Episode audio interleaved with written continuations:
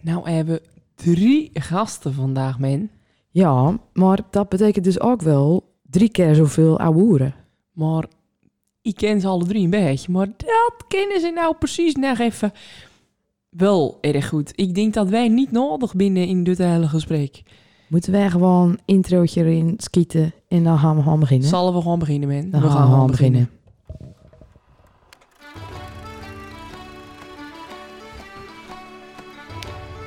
Hallo allemaal en welkom bij de podcast Zonder Naam.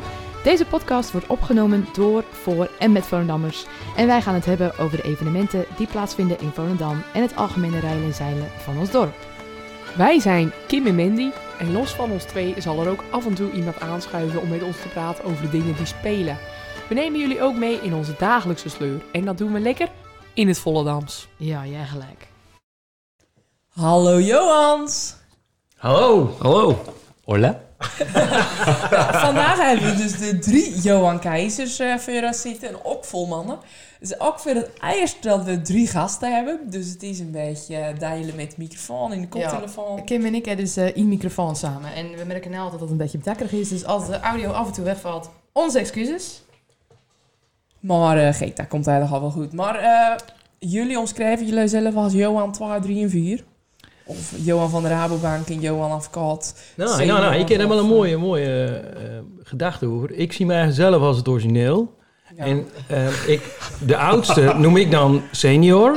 ja. En de jongste is junior. En ik zit er precies een beetje in het midden. Nou, dat, dat, ik snap die omschrijving. want als je namelijk dat origineel beginnen bij Johan Kees van de Rabo, zo kan je hem natuurlijk ook noemen. Dan zou ik junior wezen. Ja. Maar dan is Arjan juni junior. Dus dat klopt niet. Nee, nee. Dus als je in het midden begint met het origineel, dan heb je er eentje erboven en eentje eronder. In eh, Johan van Rabo, hoe omschreef jij jullie zelf? Nou, ik heb toch wel een, de andere lezing. Want eh voor mij is Johan Keizer eigenlijk de vader van Ja. deze Johan Keizer junior. zoals hij betiteld Maar dit wordt. is radio, hè? Het is een podcast. Dus dus, Johan- eh, Ja, Die de kennen gaan weg. Slager, Slager, Johan slager uit de. Plutostraat. Dat is de eerste Johan Keizer, denk ik, van Volendam. En dat zie ik als Johan Keizer. En die, eh, vroeger als ik op vakantie ging als klein ventje, ging met eh, zijn zwager eh, in jouw oom, Johan Betaald. Waarvan ik trouwens ook even snel wil vermelden dat hij heeft vier zoons, waarvan twee nou jeugd international binnen. Dus Roy is keeper en Sean ook international. Dus dat, dat voetbal dat zit er mee heen. Maar dat even tussendoor. Voor om te komen op je vraag, welke Johan Keizer? Johan Keizer van de slagerij is voor mij Johan Keizer. Dan zie ik mezelf als Johan Keizer Twaai, maar zo ga je jezelf niet noemen. Want dan denk ik dat Dr. Flash nou bij mij voor het best uit. En ik vind Johan Keizer, die zichzelf de originele vindt, is voor mij junior. Zo staat hij ook in mijn telefoon. In Johan Keizer, hier de jongste versie van Johan Keizer die hier zit, dat is voor mij Johan Keizer 4. Zo staat hij ook in mijn telefoon. Ja, Quattro noem ik hem ook wel eens. leeftijdsgericht dus. Ja. Ik doe, ik doe hem sinds kort Quattro. Hij is een keer op eh, Brazilië eh, op vakantie geweest en sindsdien noem ik hem Quattro. Dan kennen we straks wel dieper op invallen op die bevestigen, ja. vakantie. Ja. Zullen we eens beginnen met een eh, voorstelrondje? Laten we beginnen met eh, ja, Johan Keizer 2. Zullen wij het gewoon hier op 2, 3 en 4 houden? Voor het gemak? Of- Als of- Johan dat goed vindt. Ik vind het wel origineel prima. vier. Twee origineel vier. 2 origineel 4. is goed. Nou, eh, Johan, eh twee. Vertel eens wat over jezelf. Nou, ik eh, ben geboren op 16 oktober 1968. Het grappige is dat Johan Keizer junior geboren is op 8 oktober. En als je dan 8 en 16 bij elkaar brengt, dan krijg je 16 augustus. En dat is de geboortedatum van de jongste Johan Keizer. Ik geloof in numerologie. De, de, de baand die wij met elkaar hebben, ja, die, eh, die is ongelooflijk. Dit sterk. gaat diep. Dit gaat diep, dit gaat erg diep, ja. Ja. Dit misschien wel te diep voor de laatste. Ja. Maar in ieder geval, ja, ik, eh, ik eh, ben eh 53 jaar jong. Oh, dan ga ik niet in het Nederlands. Maar ik ben 53 jaar oud. Ik werk bij de Rabobank in Volendam. Daar werk ik al 30 jaar in een paar maanden. Eh daarvoor heb ik eh erg een leuke tijd op school gehad. Ik heb in de marine heb ik mijn diensttijd verplicht, met, met mijn dienstplicht eh, Wow, oud. ja, ja, want deze jongens hebben niet de koningin hoeven te dienen. En dat heb ik met Commando's ingeweten gedaan. Ja, in je fantasie. En En toen ben ik dus bij de baan gaan werken. En in de tussentijd heb ik allerlei leuke dingen gedaan. Ook ontzettend veel leuke dingen meemaakt. Misschien dat we dat later nog wel kunnen vertellen. In, eh, ja, ik ben getrouwd met een, eh een maasje uit een vooraanstaande familie. Daar komen al lienig maar toppers vandaan uit die familie. Ik noem bijvoorbeeld een eh, Kim Plat. Ik weet niet of jullie die kennen. Die werkt bij de, de boortoren. Dit is eh, mondhygiënist en dat soort types Goed allemaal. volk, goed ja, volk. echt goed volk. Goede, goede, ja. Ja, en ik heb twee dochters wiens namen ik niet mag noemen op straffen van eh, een NST'tje voor de komende zes jaar. Dus dat ga ik ook niet doen. Ja, Zal ik ze dan noemen? En ik heb altijd eh, eh, erg... eh, ik hou van sporten. Ik heb vaak veel sportieve hobby's. Ik heb voetbald. Ik heb dan, mijn hoogste niveau is dan geweest de zaterdag in Jo. Arie Johan Keizer die hier zit. Het zelfs FC Volendam inhaalt. Maar dat was voor mij niet weggelegd. Niet al te serieus nam ik het. In, eh, altijd zaalvoetbal. Toen ben ik gaan tennissen, wielrennen, weet ik het al haar. In, Of volgens mij sport je nog steeds wel acht dagen in de week. Ja, ja, nou niet meer acht dagen in de week, maar ik, ik probeer nog wel eh, te bewegen, ja. Dus dat was even in een nutshell. eh, ja. Nou, wie dan gaan we weer naar de volgende Johan. Ja, ik ben eh, Johan Keizer. Eh, ik ben geboren op 8 oktober 1980. Dus dat betekent dat ik inmiddels ook alweer 41 jaar oud ben. Maar ik blijf altijd jong, want ik heb een eh, iets oudere vrouw. Eh, waardoor ik dus... Nou had ik ook in het Nederlands praten. ja, gek hè? Ja, waardoor ik dus altijd jong blijf. Eh, ik ben eh, advocaat, samen met eh, Johan Keizer junior, of Johan Keizer 4. Quattro. Quattro. Ik, Quattro. Was wel, ik was wel de eerste strafrechtadvocaat op Volendam. Inmiddels zijn er binnen de, binnen de meideren vier of vijf binnen Ja. er inmiddels. Ja. Eh, ik ben eh, inmiddels 17 jaar strafrechtadvocaat. Ik heb mijn eigen kantoor in Amsterdam bij het Amstel Hotel. Ehm, ik heb twee boys van 13 en 11, Jake en Lars. En mijn vrouw is Natasha en die is net een eigen bedrijf begonnen in personal training bij Body Results, NK Fitness, allemaal kijken. Even eh, Van consistency. Ja, ja. Dus iedereen die naar een strak lijf wil met de bouwvak, die kan bellen. Ehm, ik heb het tot de B3 skopt. Toch lekker, joh. Niet te mal, hè? Ik ben er zelf ook trots op. Totdat Jan Veerman mij uiteindelijk eh, op 4 VWO zat. Nou, ken het wel weer. Met dat geleer en gesport van jou. Het wordt tijd dat jij achter de bar gaat. En daar heb ik natuurlijk naar geluisterd. Ik was een soort... Ja, ik beschouw mij zelf als een soort tweede Peter Bakker. Ik had natuurlijk ook gewoon, als ik echt mijn best had gedaan... samen met deze Artois Johan Keizers eh, erg eh, hoog, hoog eh, kennen gooien. Maar ja, het was eh, de, de bar lonkte. Om het maar te Keuzes, keuzes, keuzes. keuzes, keuzes. En nu zit ik hier. En dit is een van de hoogtepunten van... eh, zeker van dit jaar. Misschien wel van, deze, van dit millennium. Ja. Nou, nou, nou. Mag ik in de tussentijd even vertellen, wanneer ik Johan Keizer junior dus voor het eerst van mijn leven herzien, dat was het een ontzettend... mooi verhaal. Dat is een leuk moment. En dat was bij de RKAV. Ja, dat was bij de RKV. all places. Ik voetbalde al in de zaterdagselectie. Of het was in de A1, een van die twee was het. In, ik was, moest met mijn bal pakken en het was een beetje in de winter in een een dun laagje ijs, maar ik weeg niet al te zwaar, dus ik dacht dat ken wel. Dus ik het ijs op en ik zakdeer het ijs heen. En ik krijg toestemming van de trainer om de training voortijdig te verlaten, want dat was natuurlijk geen doen met eh, een nat pak. Dus ik loop richting de kantine en wie komt daar aanlopen? Een ondeugend eh, jong ventje met een dolgelukkige blik in zijn ogen, want hij had een zak snoep in zijn handen. Dus ik loop hem tegemoet en wij kruisten elkander en ik zei, Jezus, maar ik een snoepje van jou. En toen keek hij me zo aan. Hij eerst een beetje zo met zijn afschudden, van dat gaat hem niet worden. En toen zag hij me toestaand en toen zei hij, ah oké, kies maar wit. Maar gebeurt.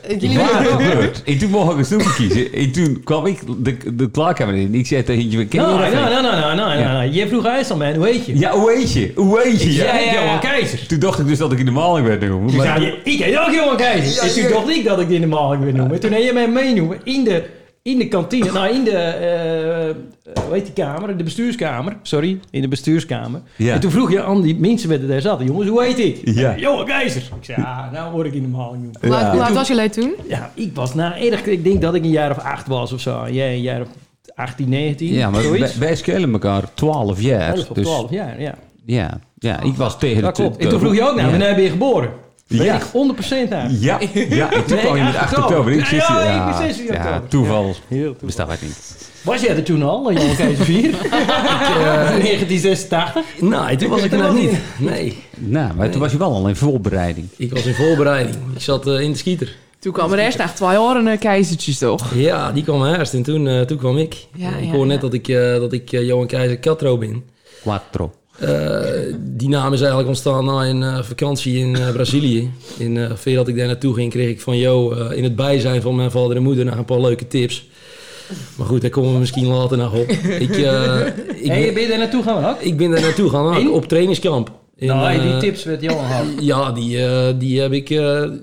ja, Oh? ja. En Nou, was, het- was het wat je ervan verwacht hadden? Nou, ja, ja, zeker. Er, er, er kwamen wel was- wat was- vragen daarover, dus misschien is dit wel het moment om er wat meer over te gaan vertellen. Jij er dingen Ja. meemaakt, dingen leert. Laat, Ja, ik, eens even eh, voorstellen. Want ja, mensen weten nog niet wie of Johan Keizer 4 is. Nou, precies. Ik, eh, ik ben geboren op eh, 16 augustus 1995. En eh, ik ben net als eh, Johan Keizer eh, original ben ik eh, advocaat.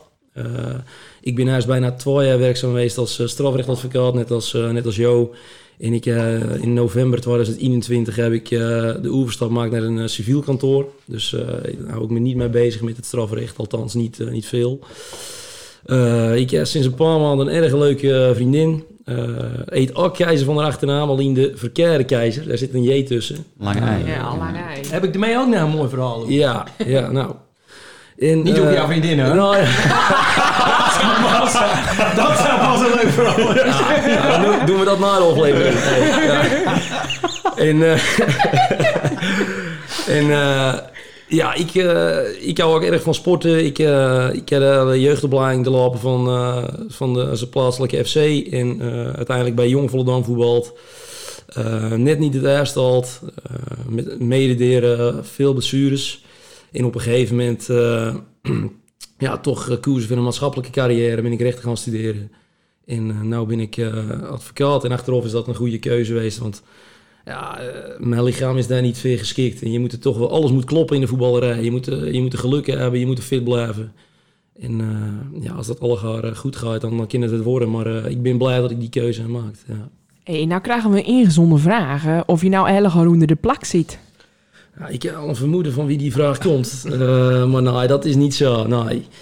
Uh, ik denk dat het belangrijk is dat je elkaar uh, gewoon uh, vrij laat in een relatie. En dat, dat gaat erg goed. Dus ik ben, ik ben vaak naar, met mijn vrienden en gezellig op de dek. Wel iets minder, maar dat, dat kon ook wel iets minder.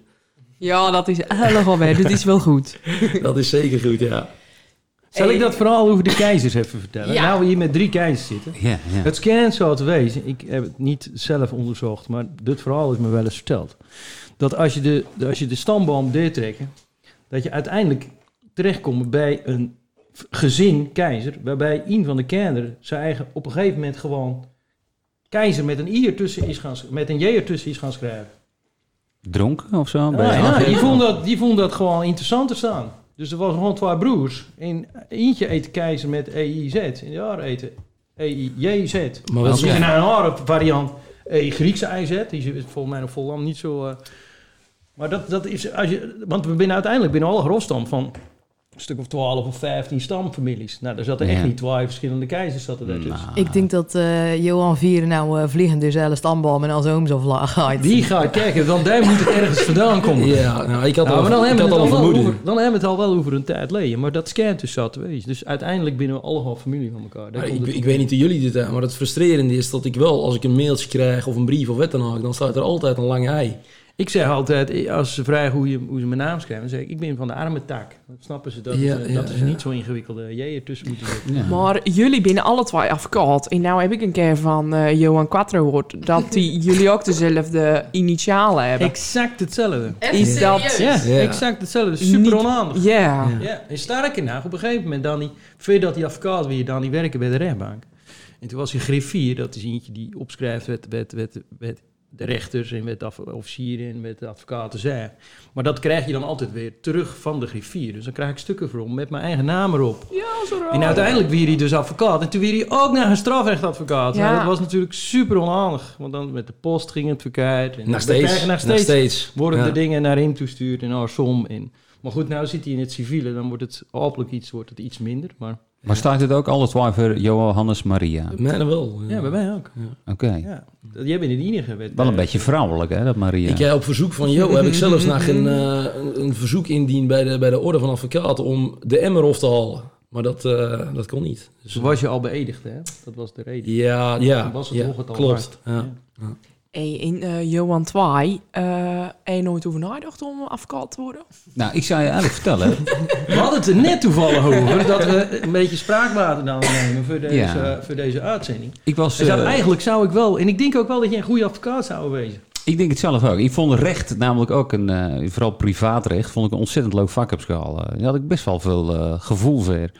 Maar in mijn tijd, ik ben natuurlijk al wat ouder, toen had je veel minder van die specifieke opleidingen en zo. En, eh, dan was het dan gewoon van, doe maar gewoon, doe je al heel genoeg. En toen ben ik bij een bank terechtgekomen. Ja, Waarom eigenlijk? ja maar eh, de heilige Jozef weet. Ja. Maar daar had je toch zelf weer solliciteerd? Of was je vrij? Nou, ik, ik, had, eh, ik daal altijd op school. Hoe lang is de Rabo eigenlijk al op Volendam? ehm, de Week in Rabo. de. De Rabo is lang- Ik was. Onder in 14 jaar. Onder in 14 jaar in de gemeente. Want? Rabobank Edam Volendam heeft exact 100 jaar bestaan. En toen binnen ze gaan fuseren. En dat is 14 jaar geleden. Dus dat, onder in 14 jaar is de Rabobank er al. Maar in, in de eh, vestiging op Volendam? Zolang jij er zit. Nou, nou, ik zit er 30 jaar. Nee, nee. Maar even om vroeg te komen op hoe ik daar terecht ben gekomen. Ik eh, had op school dan ik altijd alle vakken laten vallen die ik niet kon. En dan bleven er vanzelf bleven roeven wat je wel kon. En daar zat onder andere assurantie zat daarbij. En dat vond ik erg leuk. Dat ik eh, ook mijn assurantie B-diploma haald. En toen ben ik... Welke na- school was dat dan? Ja, assurantie eh, op school ik zat op de eerste katholieke MEO in Amsterdam. Daar heb ik echt een geweldige tijd gehad. Dat was een soort van Sodom en Gomorra school. Daar kon alles. Dus daar heb ik de mooiste tijd van mijn leven gehad. En toen na die tijd ben ik niet naar de HBO gaan. Want dat heb ik pas op mijn viertigste ben ik pas eh, weer naar de HBO gaan. En toen heb ik, eh, eh, ben ik bij de marine beland, want ik moest mijn dienstplicht vervullen. Ik eerst bij de mariniers zitten, maar ik kreeg een rugblessure. En dan geven, omdat ik voor mijn nummer zat, geven ze je niet de tijd om te revalideren. Was ontzettend jammer, want mijn hele klas ging naar Curaçao voor negen maanden. En daar hebben ze kunstjes geleerd waar Jo misschien iets over kan kan vertellen wat hij in Brazilië geleerd heeft. In Dribbelen. dribbelen onder andere. Ja, snel dribbelen met een balletje. In, eh, even kijken, waar was ik bleef? Hoe je bij de Rabo terecht kwam. Oh ja, ja. ja. En toen ben ik dus na school eh, via Hans de Vries, een fantastische kerel, helaas, God hebben ze ziel. Die eh, heeft mij toen een eh belt van, die werkte bij de Generali, een verzekeringsmaatschappij. En daar kon ik toen na mijn dienstperiode kon ik daar in dienst treden. Heb ik een jaar gewerkt. Was het trouwens een fantastisch leuk bedrijf. Maar ik wou zoveel mogelijk sporten in mijn leven. En toen zei ik dat er een baantje bij de Rabobank vrij kwam. En toen via Hans van Riesen, die ook helaas niet meer onder ons is, fantastische man. eh, kon ik solliciteren. Had ik sollicitatiegesprek bij Frans Jonk. Ook weer een fantastische kerel. In Alfred de Jong. En toen, eh, die hebben mij aangenomen. En eh, dat is 30 jaar geleden. En ja, de rest is geschiedenis. Oké, oké. Hey, als je nou, jullie binnen dan i- 2, 3, 4. Als je nou jullie, eh, dan ga je dus op, indeiling van de leeftijd. Als je nou jezelf moet indelen op prestaties. Welk getal zouden jullie dan hebben op het gebied van werk? Ja, dan, ben, dan, dan, dan ga ik erg wezen. Dan ben ik gewoon vier. Want ik vind... eh, ja, Johan Keizer, de eerste, de originele Johan Keizer, staat sowieso op in. De slagerij maakt fantastisch product. Ik weet niet je wel eens bij de Plutostraat in geweest. Ja, zeker. Probeer de rosbief bijvoorbeeld. Het is niet normaal zo lekker. En ik moet eigenlijk zeggen, ik, ik zie toch wel een beetje op tegen de, de overige Johan Keizers hier in deze zaal. Advocaten, die, ze binnen maatschappelijk binnen ze geslaagd. Ze hebben altijd wel een prachtige vrouw aan, de, aan het rijden, een mooie auto. Ja, wat moet je nou nog meer? Ja, dus Ja, dus het is een ik zet beetje de mezelf op- strijd tussen... eh, Ja, en dan, en dan zet ik Jo, eh, die zichzelf de originele noemt en die ik junior noem, die zet ik dan toch op in, omdat hij al 17 jaar advocaat is. In eh, Johan Quattro, die eh, ja, in Brazilië zal er waarschijnlijk wel op inzetten. Om nader te gaan we redenen. Ja, maar Alweer. Die, die, die, die zet ik dan eh, op drie. Ja, terecht. Ja, Terecht. ja, ja. 17 jaar al, joh, dat is lang. Ja, ja, ja. Waar gaat de tijd heen, hè? Maar eh, ik denk dat we hier gewoon meteen in moeten springen. Brazilië. Ja, nou, ik wou zeggen, op welk getal zou je zelf indelen dan op het eh, seksuele gebied? ja. Oh, gaan we Hoeveel, nou hoeveel Brazilië gesproken? Gaan we nou... Ja, misschien, misschien dat ik een klein introotje dan mag doen. Want net toen we hier naartoe liepen, toen vroeg ik dus aan Johan, hoe lang ben jij? Wel, Ik vroeg eerst, wat is je schoenmaat? Want hij heeft best wel grote voeten ten opzichte van zijn lengte. Hij heeft maat 44 en, ik, en hij is 1 meter 80. Ik ben 1 meter 81 en ik heb maat 41. En eh, Johan Original, die, heeft, die is 1 meter 82 en die heeft ook 41,5 ongeveer. Dus ik zeg, ja, dat is logisch, want in de schaduw kan niks groeien. dus uitgaande van die filosofie, denk ik dat ik Johan helaas op nummer 3 dan Ja, moet daar moet ik even inschalen. inhaken, want kijk, dat kun je natuurlijk wel zeggen, maar het, het gaat niet om de grootte van het schip, maar om de deining van de zee. En als de deining goed is, ja, dan, dan maakt de grootte niet zoveel uit, toch? Gaan we toch weer over je vriendin hebben. Ik kom allemaal waarom. Nee. Ja, snap ik waarom jij niet zo vaak met je vrienden mee raad maakt. Ja. Nice, Ja, of willen. Ken, ken je dit verhaal ook in het Braziliaans vertellen, Jo? Eh, nee, ik, eh, da- daar ging alles via Google Translate. Echt waar? Ja, want daar spreken ze Portugees en eh, daar ging alles eh, via Google Translate, ja. Maar de taal der liefde is toch universeel? Dat, eh, dat... Su. Maar vertel nou eens het mooiste verhaal dat je in Brazilië meemaakt. Hè. Ja. Ja, nou ja. De gekuiste versie, Jo, want we willen wel luisteraars misschien over Wat, houden. wat wel leuk is om te vertellen is, eh, ik, ik zal daar niet te diep op ingaan. Wij zijn daar natuurlijk eh, best wel bezig geweest. In, eh, we, kwamen, we kwamen fit from. Eh, ja, je komt er toch tot elkaar als je met de hele groep in het buitenland bent. In, eh, de, Ja, je was op veel trainingskamp, veel- toch? Ja, veel hardlopen aan het strand. Eh, trainingen. We hebben geen... We Uithoudingsvermogen. Ja, dat is allemaal krijgen. gaan aan bod komen. In, eh, maar het, wel een mooi verhaal om te vertellen. Eh, ik, het idee was er al jaren bij de ZVV. Van we gaan naar Fortaleza op trainingskamp. En ik geloof dat Jan Bami en Johan Muren, die hadden het er al acht jaar over. En, eh, ja, ik kwam toen op een gegeven moment bij de zaterdag Inverdam bij de ZVV. En ze dan dat nog steeds als een soort van grap. Dan ze dat ventileren, weet je. Van, ja, we gaan op trainingskamp. Ik zeg, maar dan kunnen we dit nou toch eh, echt doen. En toen binnen we met een groep van, eh, van zes man binnen we erheen gaan. En ja, mijn moeder die, en mijn vader en moeder die, die gaan nooit zo ver weg. En die vonden dat nogal wet, weet je, nou ergens naar Brazilië, je kent naar Spanje, je kent het al wel. En toen speelde de ZVV op vrijdag eh, en ik was weer eens geblesseerd. En ik zat naast Johan Keizer, twee op de tribune. En eh, mijn vader en moeder die zaten niet erg ver bij huis vandaan. En Jo die vond dat natuurlijk geweldig dat wij naar Brazilië gingen. En toen daarna even een gesprek met mijn vader en moeder in de rust. En toen ging Jo aan mij uitleggen dat ik wel variërend moest staten. Eh, Als ja. je dus, mocht het er een biljarttafel staan. hè? Ja, ja. En eh, nou ja, dat kwam van pas tijdens het biljart. Met hoeveel man deed je toen biljarten, Johan? Ah, ja. Hoeveel mannen? Wel? Je, je, Hoeveel personen? Ja, ja, nou, je, je biljarten met z'n tweeën. Dus eh, ja, Oké, oké, oké. Nou, Poelen. nou. poelen. Maar Jo die eh biljart doorgaans met een wat kortere keu dan eh de Arend Johan. en ik. Het is maar goed dat je nou verkeidingen hebt, Johan. Ja. Nou ja, ik ga heel gewoon even serieus door met de vraag die Eddie Veerman in de vorige podcast uh, zei. Of die had hij daar nou door hebt. Zouden jullie qua beroep een dag met de anderen willen ruilen? Nou ja, als ik met, eh, met Johan, eh Johan 3 ruil, dan verandert er niet zo erg veel. Eh, Nee. althans, Nou, Jo, is wel een stuk, Jo is wel een stuk drokker. Hè? Dus in Als ik met jou zou ruilen wel trouwens, want ik heb echt nul verstand van civiele... Ja, op dit moment wel. Op dit moment wel. Bouwrecht, Ja. verschrikkelijk civiel. Nou, als je jouw eh, Google eh, nummer drie dan of... eh, The one, the original. Dan uh, kom Ja, ik was Dat wel vind ik trouwens ook een leuke. Ja. Jij zelf bedoeld. Ja, ik was nou helemaal in de dos. naam dus. Ja, ja. Maar eh, dan komt alles in beeld over wietplantages. Dus als je wietplantage wordt opgerold, moet je jou bellen. Klopt, klopt. Ik, heb een, eh, ik ben een strafrechtsspecialist. Dat betekent dat ik alle strafzaken doe.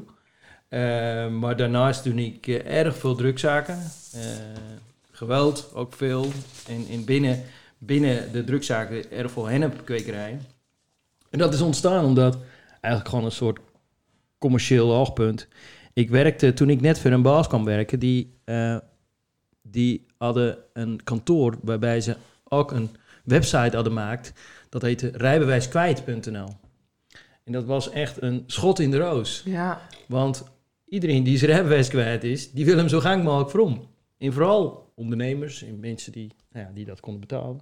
Dus jullie hadden een soort filosofie op kantoor. Dat ze eh, zelf de leuke dingen danen. En, en dan hadden ze nou ja, pe- personeel eh, die dan, dan die rijbewijszaken. En toen ging ik daar weg en toen dacht ik, ja, dit, zoiets moet ik ook bedenken.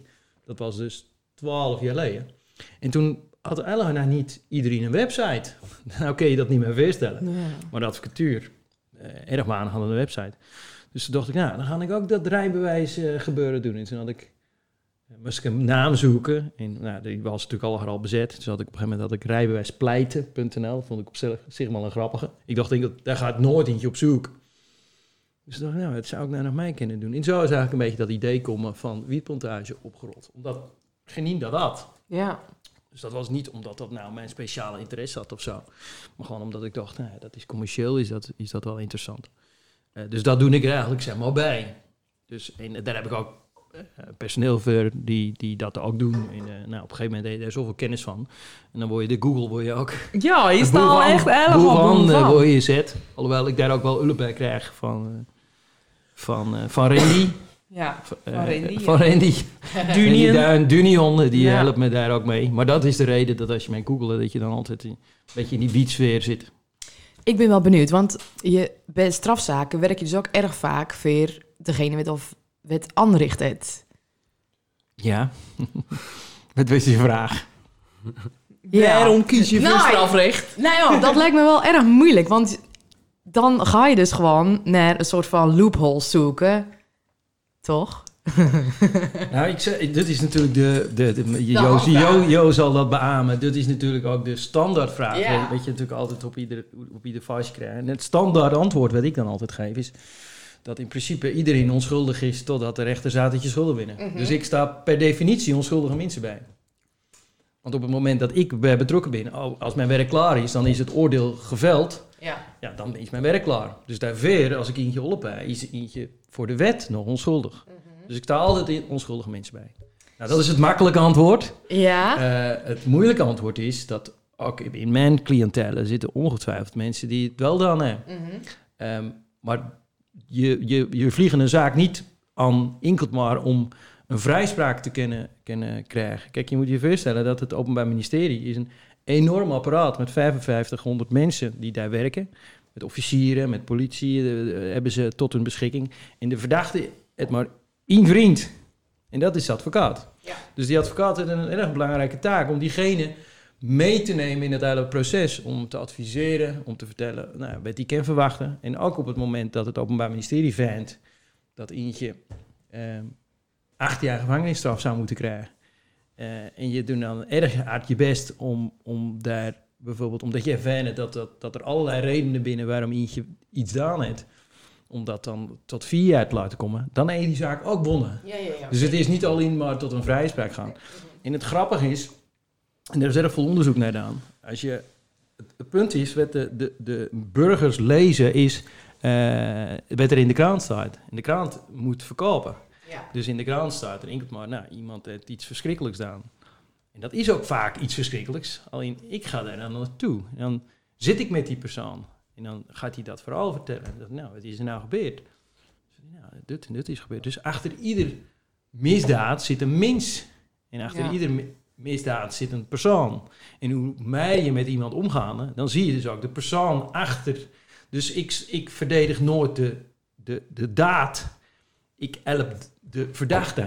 Ja. Dat binnen twee verschillende dingen. Ik ken hem best wel een brok in mijn keel. Ja. Wel, ik heb zelf ook, moet ik eerlijk zeggen. Ja. Dat heb ik al zo vaak verteld. Ik vond het trouwens wel opvallend dat jullie, eh, de, de overige Johans, zich niet uitsproken hè, om een dagje in mijn beroep te zetten. Ah, nou, nou, nou, maar wacht even, wacht even, Ja. wacht even. Want ja, dat weten ze, dat is gewoon hondenbaan. Dat weten ze. Want, want als het om Maar geld we gaat... gingen met tien al over op een aardig onderwerp. Ja, Dus- ja, ja, ja. Maar het is, die was ook eigenlijk de enige keuze om dat mee te doen. Omdat het vaak natuurlijk erg op elkaar lijkt. Alhoewel, nou lijkt het niet meer zo erg op elkaar. Omdat Johan veel meer in een adviespraktijk zit en minder in een procespraktijk. Ja. Dus dat is wel een groot verschil. Ja. Maar we winnen altijd advocaat. Eh, Ja. ja, ik, ik, ik heb eigenlijk niet, geen idee wat jij nou daar, daar zit te doen. een beetje je collega's eh, eh, eh, grapjes mee maken. En af en toe komt er een klant langs en die probeer je een hypotheek aan te smeren. Dat is een beetje mijn idee van jouw werk. hè. Oh, dat is jouw idee. Ja. Nou, ik zou je vertellen, kijk, in een mensenleven je allerlei dromen. Dat is een huis kopen, dat is een mooi bad, Mm. dat is een, een huis in Spanje. Dat, eh, je kan het zo gek niet bedenken. Een studie voor je kinderen, een, een, dure opleiding. En dat kost alle geld. En dat kost alle geld. En dat binnen sleutelmomenten in iemands leven. En als jij daar dan een passende financiële oplossing bij weet te vinden, dan kun jij mensen aanhelpen op zeer belangrijke momenten in hun leven om dromen te verwezenlijken. En dat is een prachtig beroep. maar moet Zo mensen... klinkt het eigenlijk beter dan strafrecht ja, afgehaald. absoluut, maar- absoluut, absoluut. Maar moet je Ja. mensen... eh, hoe, hoe ga je om met mensen teleurstellen? Of gebeurt dat niet zo vaak? Ja, dat gebeurt ook. Ja. En vooral als ik dan even vrom kijk op eh, de financiële crisis, de bankencrisis 2008, 2009, toen dat begon. Het eigenlijk wel duurde tot 2015 voordat we daaruit waren. In die periode was mijn werk een stuk minder leuk. Want toen was je ook vaak mensen eh, eigenlijk vertellen dat ze een woning moesten verkopen. In, in dat soort zaken. In vaak nee verkopen. En dat is best wel, eh, dat is best wel een dingetje. En, eh, ja, dat, dat kun je dan ook mee naar huis nemen. Omdat je wel eens iets, iemand iets moet vertellen die jou nader aan het hart gaat. En dan is dat erg lastig. Slecht nieuwsgesprek. Ja, ja, ja. Nou, we, we gaan door naar de dilemma's. Dilemma's. Vond ik niet slecht. Nee, Hey. hey, dat eh, is net echt. Even kijken. Nou, heb ik dus wel een paar dilemma's eigenlijk eh voor iedereen specifiek. Want, maar ik denk dat, dat iedereen er wel een beetje op sommige kan antwoorden. Maar we beginnen dan met Johan Keizer 2. Johan Keizer van Rabo. Johan Keizer van Masha, toch? Ja, Hoe je wel eens van noemt. Ja, binnen familiekringen. Nooit meer voetballen, nooit meer wielrennen. Eh, nooit meer. wa- wa- wa- Moet ik kiezen? Weet ik, Ja, nooit meer gaan doen. Eh, nooit, nooit meer voetballen, want ik voetbal nooit meer. Want mijn knieën laten dat niet meer. Ah. Dus dit was eigenlijk een erg gemakkelijk. Dit was Dit een, was wel eh, makkelijk. heel Nou, dan gaan we ja. er meteen een eentje doen. Nooit meer bier, nooit meer seks. Nooit meer bier. Dat is, Dat is ook een makkelijke Dat is voor mij trouwens. een erg makkelijke. ja. Dat wordt een baakjootje. hè? Dan eh, gaan we verder naar de Johan Keizer. Ja, ik, ik ken een blaadje vinden, maar ik ben erg in de waar. Wat, eh waar binnen we? Nou, Oké, Johan Keizer, the one. Zoals Kim jou net noemde. Wauw. I like it. De special one. Je lijkt ook een beetje op José Mourinho, die trainer. Die noemt Oh. zichzelf de special one. Zou hij dat hoe zeggen? Ja, serieus. Omdat ik zo grijs ben, bedoel je dat? Wat dat betreft ben ik het daarvoor. Nooit meer een hennepzaak of nooit meer een moordzaak. Ehm, Omzetgericht, denk je, joh. nooit meer een moordzaak. Kun je dat kort toelichten? Eh, ja, ik, ik doe moordzaken. Ehm, dat binnen er gelukkig niet zoveel. Want er binnen niet zoveel moorden in Nederland. Afgezet tegen het aantal strafrechtadvocaten. Ehm, maar dat binnen juridisch technisch vaak niet de interessantste zaken. Eh, en dat is eigenlijk de reden. Het, het is een misverstand dat eh, betere advocaten zwaardere zaken doen. Eh, of andersom. Het is maar in, in welk kantoor je aanvankelijk terechtkomen. In, in sommige kantoren hebben zich maar gespecialiseerd in, in, in terrorismezaken, in mensenhandelzaken, eh drugszaken, moordzaken. Bijvoorbeeld het grote Marengo-proces, wat je nou op dit moment eh, al jaren loopt en nog lang niet afgelopen is. En dat binnen ook bepaalde kantoren die zich daarmee bezighouden. Ehm, dus het is niet per se hoe ernstiger het is, hoe interessanter het is. Oké, oké. Nooit meer pleiten of nooit meer zingen? Moeilijke vraag. Maar Johan, Johan, Echt complimenten voor deze vraag. Want ik Ja. heb nog nooit zien stilvallen in mijn leven. Ja, ja, maar net, ja, maar jij had een super makkelijke vraag. Nooit meer voetbal of nooit meer seks. Wat is dat nou een rare... Ja, maar maar men doen is het diepe, diepe filosofische... Ja, Moeilijke ik ben, vraag, Ik, ik ben ook van vrij simpele jongen, maar als ik dit nou zo... Daar gaan we dan het nooit meer, nooit meer zingen. Oeh, oké. Ja, ik vind ze altijd wel lastig. Jezus. Ja, maar ja, ik moet kiezen, toch? Ja. Ja, nou, zullen we daar nog eentje even naar weer eh, Johan Twaai doen? Tussen de lakens juist meer of minder varié? Meer. Wat is dit nou weer met een super makkelijke vraag weer? Ja, ik vind hem ook niet Dit is moeilijk. jij. Ja, ik- Ja, we hadden ook, nou, het ging wel allemaal over het, hetzelfde. Oh, nou, dit was wel een oh, nooit meer chocola of nooit meer bier. Volgens mij was het oorspronkelijk trouwens nooit meer chocola of nooit meer seks. Van Kelly van Rees. Van Kelly van Rees, die collega. Kelly. ja. Kelly, jij gaat klapjes krijgen. Ja, dat vind ik inderdaad een moeilijkere, maar dan wordt het eh, nooit meer chocola. Want, want dat andere, dat is toch wel het allerlekkerste spelletje wat er bestaat. Ja, maar ja, het origineel was met bier. Ja, maar ik geef Jij niet- bent toch niet zo'n bier drinken? Nou, ik lust wel een biertje, ook voor, een- de, voor de sfeer voornamelijk. Maar als, als ik nooit mijn bier zou mogen drinken, geen enkel probleem. Spraakwater. Ja, het is ook wel lekker spraakwater. Ja, maar er binnen nacht een miljard andere soorten. Maar als je nooit meer seks, dan ja. is het meteen... Of is het nooit meer seks met je vrouw? Ja, dan, dan wordt het alweer specifieker. Maar je kan het toch niet zeggen nooit meer seks of... Nooit meer- nooit nooit meer- meer chocola. Dat is toch dat is geen vergelijk. Ja, nooit meer seks met je mijn vrouw, geen dat zou ik... zelfde dat zou ik echt- grootheden. nooit meer seks met mijn vrouw zou ik verschrikkelijk vinden. Maar ik heb van Johan hoor dat je dan bijvoorbeeld in Brazilië... Oh. in, eh, In Fortaleza misschien. in- daar doe ik geen uitspraken over. Maar dan, dan binnen er natuurlijk altijd nog Maar ik vraag me eigenlijk wel af... Hoe kun jij hem nou tips geven over Fortaleza? Nou, ik, ik zou je vertellen, ik heb bij de marine heb ik dus dienst. Dat hij nou drie keer zaad. Ja, ja, en daar heb ik eh, toch al de nodige kennis opgedaan. Ja. En die heb ik eh, met hem deeld. Maar toen ben je ook in Fortaleza geweest. Nou, toen, toen had ik dagelijks contact met eh Parera Curaçao. Dat was dus de kazerne op, eh, op Curaçao. Ja.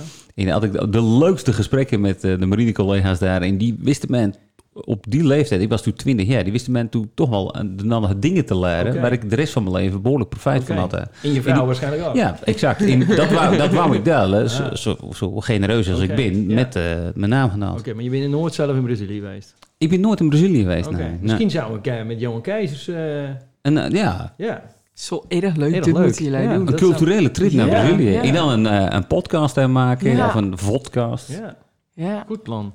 Een keer het Nou, goed. dan gaan we voor Johan Keizer 4. Nooit meer zaalvoetbal of nooit meer veldvoetbal. Eh, nooit meer veldvoetbal. Ik denk dat het volgende dilemma nog best interessant kan worden. Ik ben benieuwd. Brazilië of Praag? Eh, Brazil. Ik denk dat we ook teksten uitleggen over Praag nodig hebben op dit moment. Ja, ik, ik, snap, ik, snap, eh, ik snap het dilemma. Eh, ik ben ook in, in Praag geweest. Maar eh, ik vind de vergelijking raar. Dat, dat, moet, dat moet toch een misverstand wezen, denk ik. Want dat was wel echt een culturele trip. In Brazilië was gewoon echt eh Trainingskamp, voetbalgericht. Ja. Ja. Ja, ja. Maar dan eh. Brazilië. Ja, ik weet niet... eh, In Poelen natuurlijk ook. Gewoon erg sportgericht. Want je hadden daar ook toch poelt. Poelen, voetballen, eh, Ja. zwemmen, hardlopen. Eh, ja. Oké. Nooit meer Call of Duty of nooit meer wielrennen? Eh, no- nooit meer Call of Duty. Dat is wel eh, van, eh van een paar jaar geleden is dat. Nou, niet een paar jaar geleden, maar dat, eh, dat doe ik niet meer. Zou je misschien voor de oudere luisteraars kunnen uitleggen wat Call of Duty Ah, exact dat is een, een, een, een schietspel op de, op de Playstation, op de Xbox spelen. En, eh, mensen zullen zich daar nog over verbazen hoe, hoeveel mensen van mijn leeftijd en ouder dat doen eh, hier op het dorp. En niet alleen op het dorp natuurlijk, maar uh, daarbuiten ook. Oké. En eh, dat was vooral tijdens corona was dat wel een eh, leuke bezigheid. Omdat je voor de rest natuurlijk eh weinig te doen had. En dan zat je gewoon echt met eh, soms wel twintig man zat je, zat je te hoeren. Want daar ging het eigenlijk om. Het ging niet om het spelletje, maar om het, eh, het sociaal, sociaal aspect. Ja. Ja. Beklim jij op Zwift liever de Alpe d'Huez of koers je liever in het zoggie door de vlakke Franse polder? Ja, ja deze, deze vraag die, eh, Die ken ik wel makkelijk beantwoorden. Dat is toch dat in het in de Franse polder. Ja, ik ben niet zo van het klimmen. En eh, ik eh, ben van mijn lengte ook wel iets, iets zwaarder, denk ik. En dan, is, dan valt klimmen niet mee, Jo. Dat Dus, klopt. eh, wat, wat, wat vind jij daarvan trouwens? Want jij bent ook een wielrenner, maar eh, ben jij wel een klimmer? Of, eh? Nou, ik zou even staan. Ik, afgelopen zomer heb ik de Dolomietenmarathon heb ik, volbracht. En dat is een eendaagse koers in Italië. En die, dat is echt een mega evenement. Werd daar ook live op de televisie voor uitzonden. Een soort van elfstedentocht, maar dan in Italië. En dan beklim je zeven of bijna acht kools op één dag. En met 4250 hoogtemeters. Dat is best wel pittig. En dat is, ja, dat is echt mega. Maar als ik daar dan één ga, dan zorg ik ervoor dat ik op mijn allerlichtst ben. Want nu weeg ik bijvoorbeeld 74 kilo. Toen was ik 69 kilo. En dan, eh, dan is klimmen eh, wel erg leuk. Want je moet er niet al te zwaar wezen, inderdaad. Wil je een berg op fietsen? Ah, ik, ik weet al waarom deze vraag wordt gesteld. Ik heb erg fanatieke eh, vrienden. Die, eh die fietsen bijvoorbeeld vorig jaar naar 15.000 kilometer eh, per jaar. Ja, die dat is fietsen, wel erg veel. Die fietsen elke dag naar hun werk, ook in de winter. En maakt niet uit wat voor weer het is. En weer. En dan gaan ze vaak daarna naar eh, zelf een ritje fietsen. Die ben erg bezeten. En ik ben maar een, een recreatiefietser. Ik vind Ja. het koppie in het broodje kroket tussendoor vind ik leuk. En ik hoef niet zo nodig 12 kilometer te fietsen, snap je? Dan ben je ook de hele dag weg. Maar ik vind het knap dat ze dat doen. En eh, die gaan ook regelmatig naar, eh, naar Limburg en naar Frankrijk. En ja, dat ben echt de baaiste. Ja. Die fietsen ook dan niet zacht, hè. Die, dat is echt eh, zeer knap. Maar ik, ik ben zo niet... eh nog niet, ik kan er komen. Ja, met wielrennen, dan is de, de valkuil wel dat je jezelf er compleet in kan verliezen. Omdat je altijd weer sneller wil. Ja, je in- kan er echt in deerslaan. En ik, Ja. ik zie daar ook veel beelden van. Maar ik zie Maar het bij mij niet een prachtige sport. Is het, hè? Echt geweldig. Ik vind de one wel erg stil in de gesprek. Nou, ik zat te denken 15.000 kilometer, dat is met de auto al niet. er zijn mensen die dat jaarlijks niet rijden. Als, eh, als het al red je dat wel. Ja, ik weet het zeker. Ja, Maar wel met de auto, maar niet op de fiets. nou, hebben we voor iedereen nog één eh, dilemma. Nummer twee. Leukok, sportief of Adidas? Adidas. Maar dat, is, dat, dat- dat, komt, dat, dat, dat zal ik uitleggen. Eh, mijn vader, die het vroeger enige bekendheid genoemd als scheidsrechter. En die eh, had een contract bij Adidas. Dus wij gingen wel eens met eh, het gezin dan richting de Adidas-fabrieken. En wij mochten dan ook het nodige uitzoeken. dus ik liep Oh, altijd eigenlijk in Adidas. In, Ja.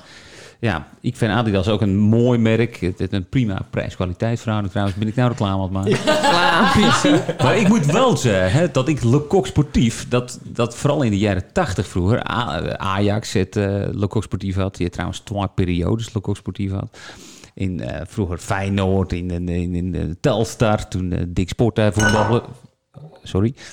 Toen, eh, toen hadden ze ook Le Coq Sportief. Le Coq Sportief het erg mooie tenues maakt. En ook mooie wielertenues trouwens. Le Coq Sportief, absoluut. Dan gaan we weer de one. The last one.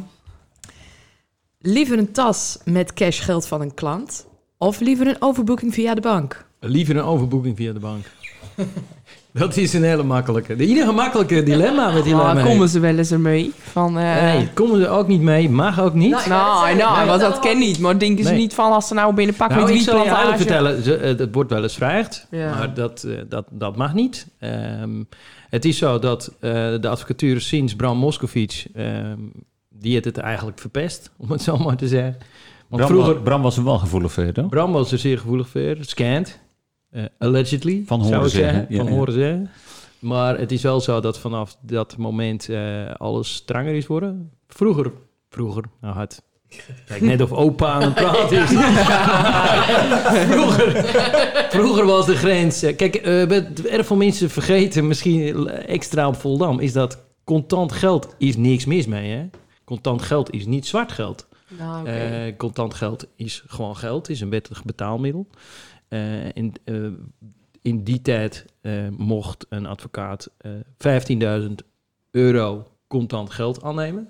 En dan bracht je dat naar de bank en dan stortte je dat. En dan zei je, nou, ik had mijn kas, was vandaag 15.000 euro. Maar Toen dan moet ze ik, dat- hier moet ik meteen even op inspringen. Jou. Ja. Als je dan bij die bank komt en Ja. je komt met cash geld boven een bepaald bedrag, ja. Dan heb je wel de wetmelding ongebruikelijke transacties. Zeker, zeker, zeker. Maar goed, ik, ik moet je zeggen dat ik nooit 15.000 euro eh, contant geld had eh, in geen enkele zaak. Ja, maar, Dus, als je dat was de grens, Maar als je een aantal weken achter elkaar eh, bijvoorbeeld 3000 euro brengen, dan op zich dat ook op en dan wordt het ook verdacht. Dat zal ongetwijfeld, maar dat, dat Ja. is geen probleem. Nee. Er is een, een motmelding is in principe geen probleem. Nee. Als ze dan vervolgens aan jou vragen, hoe kon je eraan? En je zegt, nou, dat heb ik van deze meneer gehad. Exact. Dat is voor mijn werkzaamheden. Ja. Dus in dat geval maakt dat niet zoveel uit. Maar dat was de grens. Toen is dat verombracht naar 5000 euro. Dat is het op zich nu nog steeds. Ehm, maar dan moet je wel in principe wel kunnen aantonen waarom het niet via de bank is gaan. Dus nou, in de meeste gevallen hebben mensen een bankrekening, dus dat mag natuurlijk niet. Eh, in alles daarboven moeten we in principe een melding doen bij de Orde van Advocaten, bij de deken. Dat is een toezichthouder. En dan moeten we uitleggen waarom we wel in deze specifiek geval contant geld aannoemen. Maar dat vind ik al een gedoe, want ik heb er niks aan. Nee, Ik heb dus liever 5000 euro over de bank dan dat ik 5000 euro cash krijg. Dat ik dan vervolgens naar de bank moet brengen en geld moet betalen. Omdat Ja. ik contant geld naar de bank breng. Dus eh, dat was een hele makkelijke voor mij. Nou, de liste dan eh voor eh, Johan Quattro. Liever altijd met witte smink naar een feestje of verkleed in een patatzak. Eh, altijd met witte smink, zei je. Ja. Ja, dan ga ik toch... eh, ja, of altijd in een patatzak. ik wou net zeggen, ga je liever weer M- Mijn dilemma's zijn wel wat minder serieus dan die van jullie, merk ik al. Maar goed, ik... eh, ja, ik... Ik heb één keer witte smink eh, op had, toen zag ik er niet best uit. Maar ja, een patatzak is ook niet verdelig. Dus ja, ik, ik ga dan toch voor die patatzak, denk ik. Nou, goede keuze. Ja. Maar Nou weet, ja, je, dan, weet je wat ik eh, wel leuk vind? Jo, die presenteert zich hier nou alsof hij zo, eh, zeg maar, de ideale. En is net nooit een verkeersaan Nou. in zijn leven. Maar ik weet uit betrouwbare bron dat zijn zwarte boekie behoorlijk goed gevuld is. en dan zit, zat hij nou over wit gesminkt in een patatzakken en fases van ik ben kaaslas. Yo, hey, you don't fool me. Het is goed, het is goed dat hij tegen zijn huidige vriendin aan lopen is. Ja, Ja, wel. Dan kan dat boekje dicht. Ja, Boekje eh, is dicht. Dat boekje zit dicht. Ja, erg goed. Oh, je bewaart hem nog wel even voor, voor het geval dat. maar niet, Je hebt hem nou niet in de oefen. maar, maar niet meer tijdens deze podcast. Nou ja, dan gaan we door naar het, eh, het levensmotto. Nee, eh, Ietje het levensmotto instuurt. En eh, dan gaan we even luisteren. En dan kunnen jullie daarna even jullie visie daarop aangeven. In wat jullie er allemaal van wennen.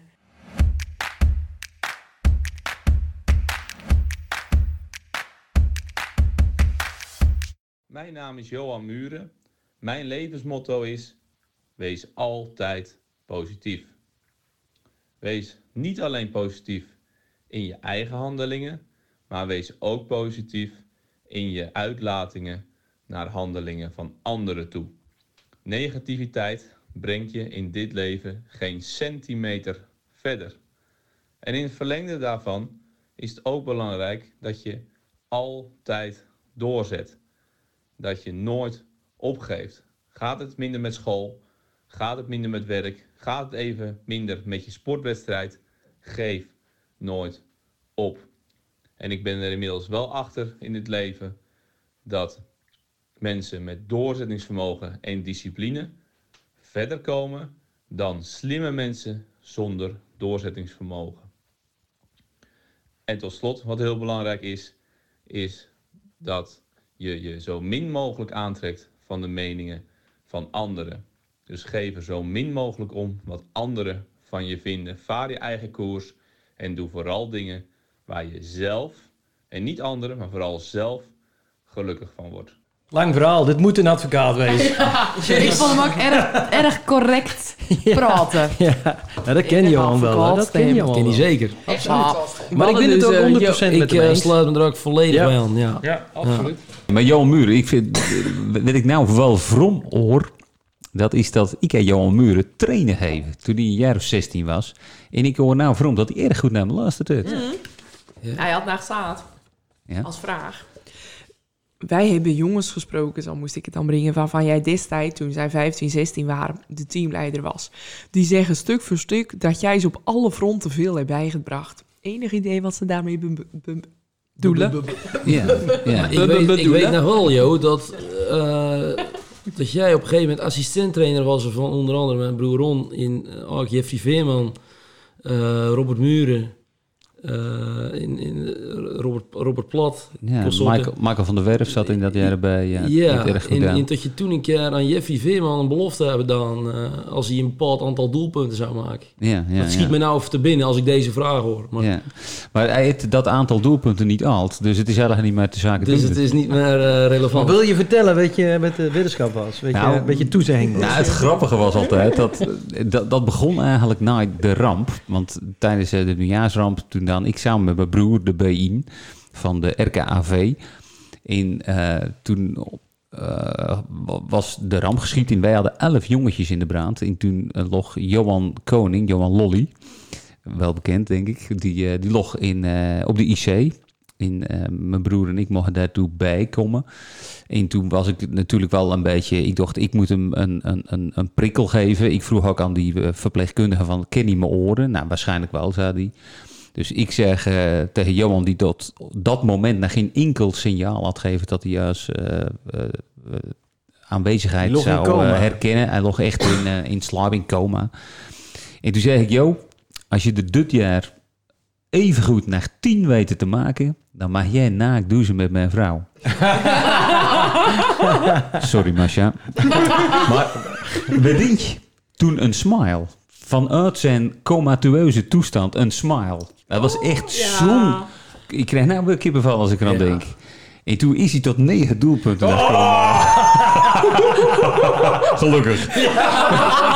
Wist Marcia dit? Masha wist het. Maar als ik dat dan tegen Masha vertelde, dan was het... Yo! Weet je wel. Dus dat was wel ontzettend grappig. Maar Johan, of eh, hoe heet het, eh, Johan Lolly, ik weet zeker dat hij aanbeld had. Ja, tuurlijk wel. Had die ik ook staat voor de deur. Die staat voor de deur. Ja, wat moet ik dan zeggen? Ja, belofte maken in mijn schuld. Maar die jongens, ja, ik vond het altijd wel leuk om behalve voetbalkwaliteit, voetbalskills bij te brengen, om ook ja, af en toe wat levensbeschouwende Ja, goed, goed. onderwerpen te behandelen. En daar hebben ze denk ik alle harde lijf hè, dan mee Maar, maar die belofte hij dus nog een keer maakt. Ja, Jeffrey, maar toen later, toen dacht ik van dat dit werkt. Want ik zag weer voor effect dat had. Ik dacht, hé, dat werkt. Ah, jij, Maar is je, is hij je dus... werk maar wacht even, dan- je gaat het veel te gek. Is hij toen uit zijn coma komen en toen meteen weer gaan voetballen en negen doelpunten maken? Ja, Datzelfde Jo- seizoen. Jo is hersteld. En toen had hij In eigenlijk... zeer korte tijd. dan. Ja, toen had hij eigenlijk nog maar een zeer korte tijd. Maar dat is hem dusdanig stimuleerd. Dat. Ja, ja, Dat hij tot hij meerdere doelpunten per wedstrijd. Dus ja, op een gegeven moment liep dat dusdanig uit de klauwen... dat ik hem ook af en toe dan wisselde. Om, het- om zeg maar het risico met in te perken. Maar je hebt het er nou na gedaan. Ja, waarschijnlijk heb ik dat napakken dan weer onder bij Jeffrey inderdaad. Dat was ook wel Maar een niemand heeft ondeugend ooit... die eh, had, ooit eh, eh, Ja, die is ondeugend. Zeker. Ja, ja, maar ze, ze hebben het nooit red. Ja. Dus eh, daar was mijn vrouw wel... eh, Erg blij mee, dat maar. Of zeer teleurgesteld Ja, over. Dat dat ken ik natuurlijk ook. Dat ze het naar mij toe speelden van... Jee, joh, moet je... Ja. dan, eh," Ja, Maar dan stiekem toch van... eh, oprecht nou, teleurgesteld. Ja. ja. Zo van, ik kan er niks aan doen. Ja, je hebt ja, je hebt die wet- wetenschap gemaakt. We gaan nou weer naar mijn favo-item. En dat is het liedje. En dan wil ik graag van jullie weten. Want wij hebben dus een wereldberoemde playlist. Wij hebben al iets van eh 15 volgers. De... Wat wel wel, 40 of 40 hier. Oh, deze komt ook op de playlist. te Deze komt... Oh, dan heb ik een supernummer. Ja. Ja. Oké, kom erop. Wat is jouw Ik, favo eh, ik zal je vertellen, ik kan je eigenlijk, dat is dan wel weer jammer. Ik kan je eigenlijk niks vertellen over deze meneer, nog over het nummer. Dus dat is natuurlijk gewoon een super slecht verhaal op een, eh, op een Nou podcast. Nou ja, Maar- hem dan maar ik het zat- is geluid, ik zat, hè? ik zat, ja, ik ga hem ook al uit lu- luisteren. Je mag ik hem ook zat, ik zelf zat zingen. Ver- Vera- Veronica te luisteren. En dat is eh, trouwens een erg leuke zender. Ook een beetje voor de eh, wat rijpere luisteraars, om het zo maar te zeggen. Maar dan doen ze af en toe echt eh, goede muziek draaien. En toen had je op een gegeven moment dat je een singer-songwriter... en die heet Christian Lopez. En ik had er nog nooit van gehoord. En die dan iemand met zijn gitaar dan in liedjes. En toen dan ik, dan ik te gillen in de auto. Zo goed. Nou, toen heb ik hem later heb ik hem op, op, luisterd. Maar het is natuurlijk wel een super origineel nummer om op jullie laatst te zetten. Ik zal Ja, heel leuk. klein, eh, stukje laten. believing the time is meant for healing a broken heart. Yeah, the world keeps spinning, every end a new beginning, a better start. I'm sorry if I never gave a damn like I do now. What am I supposed to do? still twisted up in you. Yeah, Ja, prachtig. Ja. Ja, erg mooi. Ja. Dus als nou de mij al Weet je- veel naar luisteren, dan ben ik dus de eerste geweest. Ja, heb ik ja, jullie ja. allemaal... Weet je een mix Christian- tussen Christian Jason Lopez. Je Ja, een mix tussen Jason Mraz en Ed Sheeran? eh, ben ik ja het maar dan nog beter. En ga je deze nou ook zingen? Wanneer? B6 en zo? Nou, ik zit niet meer in de B6 band, Waarom hè? niet? Nou, dat zal ik Oh ja. Frank zit erin. Van, Frank eh, zit erin. Tessa. Ja, Frank. Doe het dan ben je. Dat klinkt net als op een barenclub. eh. Dat deed je dus in Brazilië. Dat anders in Brazilië. nou, ik zal je vertellen. Ik heb dat lang een mooie gedaan. brand, Maar? Je moet op een gegeven moment ook ja, een beetje schepen verbranden... om weer nieuwe dingen eh, mee te maken en tegen te komen. En nou, als je dat niet doet nou, af en toe, Ja. met nieuws... dan kom je ook geen nieuwe dingen tegen. En Dus ik zit te wachten tot? Kenia mij vraagt als, Oh. vaste, als vaste vierde bandlid. En dan wordt het Kenia Yo. Kenia Yo. Ja, maar ja, hij is er niet altijd. Dus dan kan het Kenio horen. Kenio, vind ik ook goed. Ja, zeker. Maar ik dat- heb al af en toe met lui eh, op, in de avond gehad en op het uh, op fases. En, eh, Oké. Dat klonk erg goed. Dus dat is een open sollicitatie. Dan een Kenny Yo of Kenny One? Uh, Kenny One, ik, ik zou trouwens ook kennen. Dat zou ik trouwens ook kennen. Kenny Special One. ik moet trouwens even pleiten voor Jo als zanger. Ik vind Jo een van de leukste zangers van Volendam. Kijk, beste kan ik natuurlijk zeggen, want mijn neef Simon Keizer is natuurlijk het beste. Dat is de, bu- buiten kijf. Maar Jo heeft wel de beste stage performance Ja, van alle zeker, zangers in Volendam. Want Dankjewel, het- joh. Ja, Jij ik bent, leuk. een- jij bent een artiest in hart en nieren, Jo. Nee, dat vind ik erg leuk te horen. Daarom Ja, ik dus het net zo moeilijk om te zeggen... nooit meer pleiten of nooit meer zingen. Want Ja. Ja. het is allebei best een passie. Ja, Ja. zoenen dat je er dan nou even tijdelijk dan niks mee doen. Nou, ja, dat is gewoon tijdelijk. Er komt vanzelf komt wel weer andere leuke dingen. Zeker, Ik zeker. ben nog maar 41. Daarom, in bloei van je leven. Daarom. Nou, en dat is is, superleuk om te eh, is jouw nummer? Mijn liedje, nou, ik, het is natuurlijk zeer voorspelbaar als ik met Duran Duran kom. Want misschien weten best wel veel mensen dat ik een enorme fan... Nou, trouwens, ik ben geen fan van Duran Duran. Ik ben ambassadeur van Duran Duran. ik ga binnenkort gaan ik met mijn grote vriend eh, Benito Bond, ook Duran Duran fan... gaan we weer samen naar Londen. Hyde Park treden ze op. Hij, trouwens, het British Summertime Festival, dat duurt tien dagen. Dan rijden de Stones, die hebben Eagles. Pearl Jam, Eagles, Elton John... eh, Duran Duran dus. Ja, het is ongekend line-up. Zeg maar, die alle daar- Ja, lijken worden uit de kast. Alle Ik lijken wou, worden uit de eh, kast. Ik wou dat weekend heen, hè? Eagles in de Stones, maar dan hebben we hem Ja, in de. Stones, ja. Ja. Ja, dat is wel zonde. Keuzes, Maar in ieder geval, keuzes. daar ga ik toe. Maar Of ik moet je zelf trouwen? Nou, nou, nou, nou, maar de bruiloft, dat vind ik toch wel, Ja. dat, dat wint wel. Maar ik wil even verrassen. Kijk, ik, eh, dat, dat is misschien ook wel bekend. Ik een keer natuurlijk enorm veel mazzel had in mijn leven. Ik een keer de Golden Seeds wonnen in de Ziggo Dome. Toen mocht ik een jaar lang gratis naar ieder concert in de Ziggo Dome. Wow. En toen had ik twee eh, stoelen, gouden stoelen met mijn naam erop. Uh, Oh, zijn naam erop. Zeker. Oh, zijn naam erop. Jo is ook daar Ja, mee ik geweest. ben mee geweest. Hartstikke leuk. Naar de hoe? Eh, ja, naar de. Who was dat. En, eh, toen heb ik natuurlijk allerlei soorten muziek gehoord. Maar mijn dochters, die gingen ook vaak Hoe heet je dochters trouwens? Eh, die mag ik niet noemen, Oh. omdat daar een straf op staat. Dat, dat zal ik dan ook zeker niet doen. Want ik vind de relatie met mijn dochters ontzettend belangrijk. Maar ik, ik nam ze dan mee. En dus ik zag ook een Nicki Minaj. En dan ik tegen mijn jongste dochter zeggen... Het zei het nou, het zei het nou warm. In tegenstelling tot jouw arme jonge keizer die het vaak koud heeft. het zei nou warm. Die stond echt in het BA op te treden. En dan, pa, pa, even normaal. In, ja, maar ik, ik zag ook eh, Katy Perry in, eh, hoe heet die, dat andere vrouwtje die ook zo'n eh, mooie show had. Die ook zo'n... Ariana Grande. Ariana Grande heb ik gezien. Ja. Daar wou ik naartoe. En dan zie je allerlei muziek waar je zelf nooit naartoe zou gaan. En dat vond ik zo geweldig. Dus de, mijn blik is daar verbreed. En ik zei het altijd tegen mijn dochter, ik vind Ariana Grande zo'n klaan stemmetje hebben. Maar daar ben ik op komen, want het nummer wat ik kies, dat is het nummer van The Weeknd samen met Ariana Grande, Save Your Tears.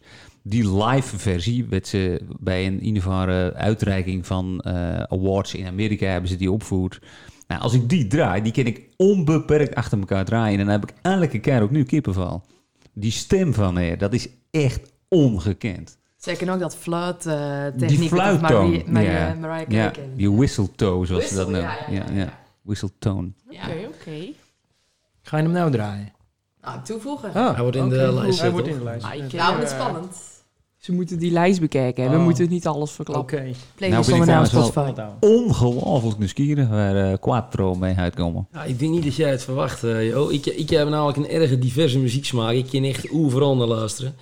Ik luister bijvoorbeeld erg graag naar eh, John Mayer, eh Paolo Nutini. Weet je, Eh, die is trouwens- met nieuwe muziek komen. John Mayer is trouwens op 16 oktober jaren, hè? Nee, dat is toevallig. Dat, Ja, nou, dat kan is, geen toeval dat is wel echt mijn favoriete artiest, eh, toevallig. Eh, maar ik, ken ook, ik luister ook graag naar de 3A's. Ik luister graag naar de Stones. Eh, Neil Diamond. eh, ik ken nogal... eh, Hoeveel Spotify-uren had je nou? Ja, ik had volgens mij, ik zat eh, op, ik, ik sprak Lenny Guit daarover. Die eh, zat volgens mij een paar minuten boven of onder man. Dat was het er, denk ik, te met onder duizend eh vorig jaar. Ja, en, maar ja, ja, ik zat natuurlijk net als Jona ook erg vaak in de auto. En ik dan, ja, eh, niet alleen muziek, maar ook podcast luisteren. Dus vandaar is dat aantal wel oplopen. PZM, Maar, was die dat ook wel eens? Ja, dat heb ik ook wel een paar keer geluisterd. Ja, als er, leuk, als er een leuke gasten was, ja, Ja. dan heb ik dat wel eens geluisterd, ja. maar eh, ik, ik kom dan toch... Ja, ik zei al, ik luister ook graag naar de Stones. En mijn favoriete plaat is toch wel eh, Sympathy for the Devil van de Rolling Stones. Hey, heel goed. En eh, als ik dat liedje hoor, die kan ik onbeperkt draaien. En ik heb ook een paar vrienden die, eh, die dat ook vinden. Dus als die aangaat op faces of, ja, of nou faces of niet, die, dat, die sluit altijd aan. En eh, daar heb ik gewoon een erg goede herinnering aan. Maar jij luistert ook naar Neil Diamond. Ja, erg, eh, erg Grappig is dat, regelmatig. ja. Omdat die wordt de, de, de, de- in de perceptie of of, eh, een soort van oude vrouwen. Maar als je die zien in de eh, documentaire van The Last Ja. eh, van de band, dan is ongeveer de coolste mother, nou, mother F die je ooit in je leven zien hebt. Ja, klopt. Dat was echt onbeschrijfelijk. Nou, weet ik al zei, erg eh, diverse muzieksmaken, daar word ik ook vaak op wezen. En, ik vind, eh, ja, ik, ik vind echt erg veel dingen. Je kunt me ook overal neerzetten. Of nou, je zou me eventueel ook op een hardstyle uh, vaasje kunnen neerzetten. Oké, joh, Dus- ik, eh, mag ik jou een vraag stellen? Ja, zeker. Hou maar vast. Je kunt wat winnen hè, met deze vraag. Ja, doe ze, doe doe het met Hey, maar dan wil ik ook dat je mij die vraag stellen. Oh, Hashtag, hashtag, hashtag. Jo, ik ben ooit bij de Stones geweest in het Goffertpark in Nijmegen. Ja. Wie speelde in het voorprogramma? Als je het weet, mag jij onder de douche met mijn vrouw. Mag ik googlen? Nou ja. Ah, jij hebt 10 seconden. De zaadloper loopt. Duran Duran. Dan wordt het doen ze met z'n drieën. Duran Duran, had ik ook veel. Je kunt het helaas niet goed rekenen, want het is namelijk de Robert Cray Band. Ja, dat had ik nooit draaien, joh. Dat wist hij. Een nieuwe vraag, een nieuwe vraag. Ja, was. Kijk, sommige kazen die komen eenmalig voorbij. Jezus, zo jammer. Ja, sorry. Nou ja, dat is... Nou, wij gaan... eh Wij gaan deze Stoppen we al? We stoppen ja, nou we niet? gaan er een taal maken. Echt? Ja, maar we gaan daarna Bijna. nog wel even dit. Oh. Als, eh, als de volgende gasten zijn eh, van de FC Volendam. Nou weten wij, eh, gaan niks van voetbal. Dus wij hebben wel jullie hulp nodig met een paar leuke vragen. En eh, dat is eh Damon Mirani en eh, Robert Muren. En eh, jullie mogen wel jullie vragen. Gewoon even. Of Gewoon onze aflevering gewoon even uitschrijven. Dat ja, maar even niet dat ze het al weet. Want ik weet zeker dat Mandy Dooi weer dit gaat eh, beluisteren. En dat gaat alles verder vertellen. Dus ook leuk als de vragen verrassing binnen. Dus dat horen we zo als de muziek uit is. Ja. Maar wij willen jullie. Even mijn tijd geven om met een nieuwe muziekje in te zetten. Even Dit- knopjes indrukken. Ja, dit krijg je dus als je, jou- als je je koptelefoon op hebt. Want Ja, die staat op een andere pagina. Oh. 1, 2, 3. Maar wij willen jullie dus erg bedanken voor jullie aanwezigheid. Graag Johans. Zeer graag gedaan. Graag gedaan. gedaan. Als je die koptelefoon op hebt, dan krijg je ook een lagere stem. Ja. Merk. Met sauna stem, Ja. hè? Echt? Ja. Mooi is dat. Ik hoor het Ja. niet, maar ik gebruik wel een sauna stem nou. Erg, erg, erg graag gedaan. Ik vond het erg gezellig. Ja, en ik was- ben eh, ook een stuk wijzer worden. Ja. Ik wil ook naar Brazilië. Ja, ik denk dat ik ook naar Brazilië... Ik, ken Ik niet ga goed, maar- afsluiten met een levensmotto. Wat gij niet wil dat u geschiet, doe dat ook een ander niet. Jezus.